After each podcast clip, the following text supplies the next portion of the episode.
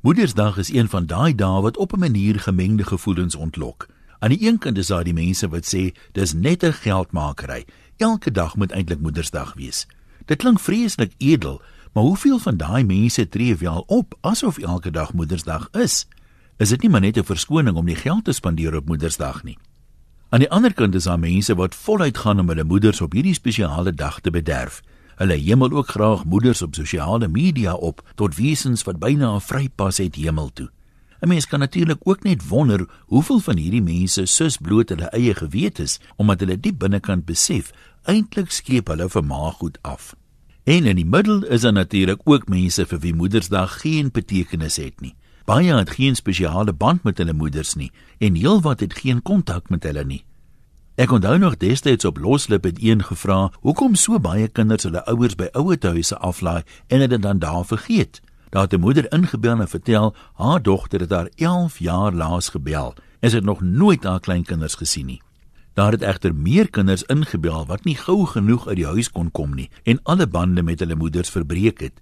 Een het gesê haar ma wou nie nog kinders gehad het nie en toe sy as laatlammetjie opdaag, het die ma haar blameer en voortdurend gekritiseer en eenkant toe gestoot.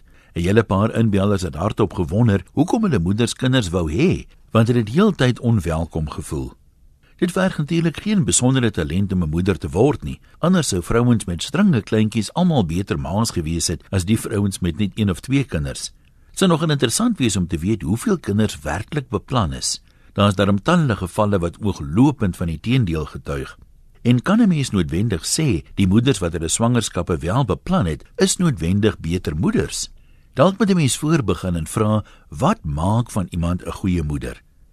As jy die basiese aspekte van moederskap nakom, soos voeding, versorging en beskerming van jou kind, is jy dan 'n goeie moeder of is dit maar net jou plig? Anders kom vat die welsyn jou kind. Baie vrouens probeer natuurlik goeie moeders wees, maar weet nie regtig hoe nie. Uit liefde bederf hulle hulle kinders gereeld en probeer hulle teen alles moontlik beskerm. Maar is dit in die kind se beste belang? Is dit nie dalk juis 'n beter ma wat haar kinders leer om so gou as moontlik selfstandig te word en te leer om na hulle self om te sien nie? Wat is in hulle beste belang as hulle eers uit die huis is en wat rus hulle die beste toe om suksesvol te wees in die harde wêreld daar buite? Net soos geen mens volmaak is nie, maak moeders natuurlik ook foute. Hulle is immers mense. Mense leer egter maar stadig uit hulle foute.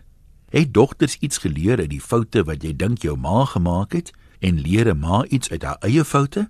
As dit die geval is, dan behoort sy mos beter te vaar met die opvoeding van 'n tweede en 'n derde kind as met die eerste. Sy het mos nou baie geleentheid gehad om te leer uit die foute wat sy met die eerste bloedjie gemaak het. So gesien behoort die jongste kind altyd 'n groot voordeel bo sy ouer boeties of sissies te hê. Hy kry mos 'n beter opvoeding. Maar ongelukkig is min dinge soos dit behoort te wees. Groete van oor tot oor. Antoniem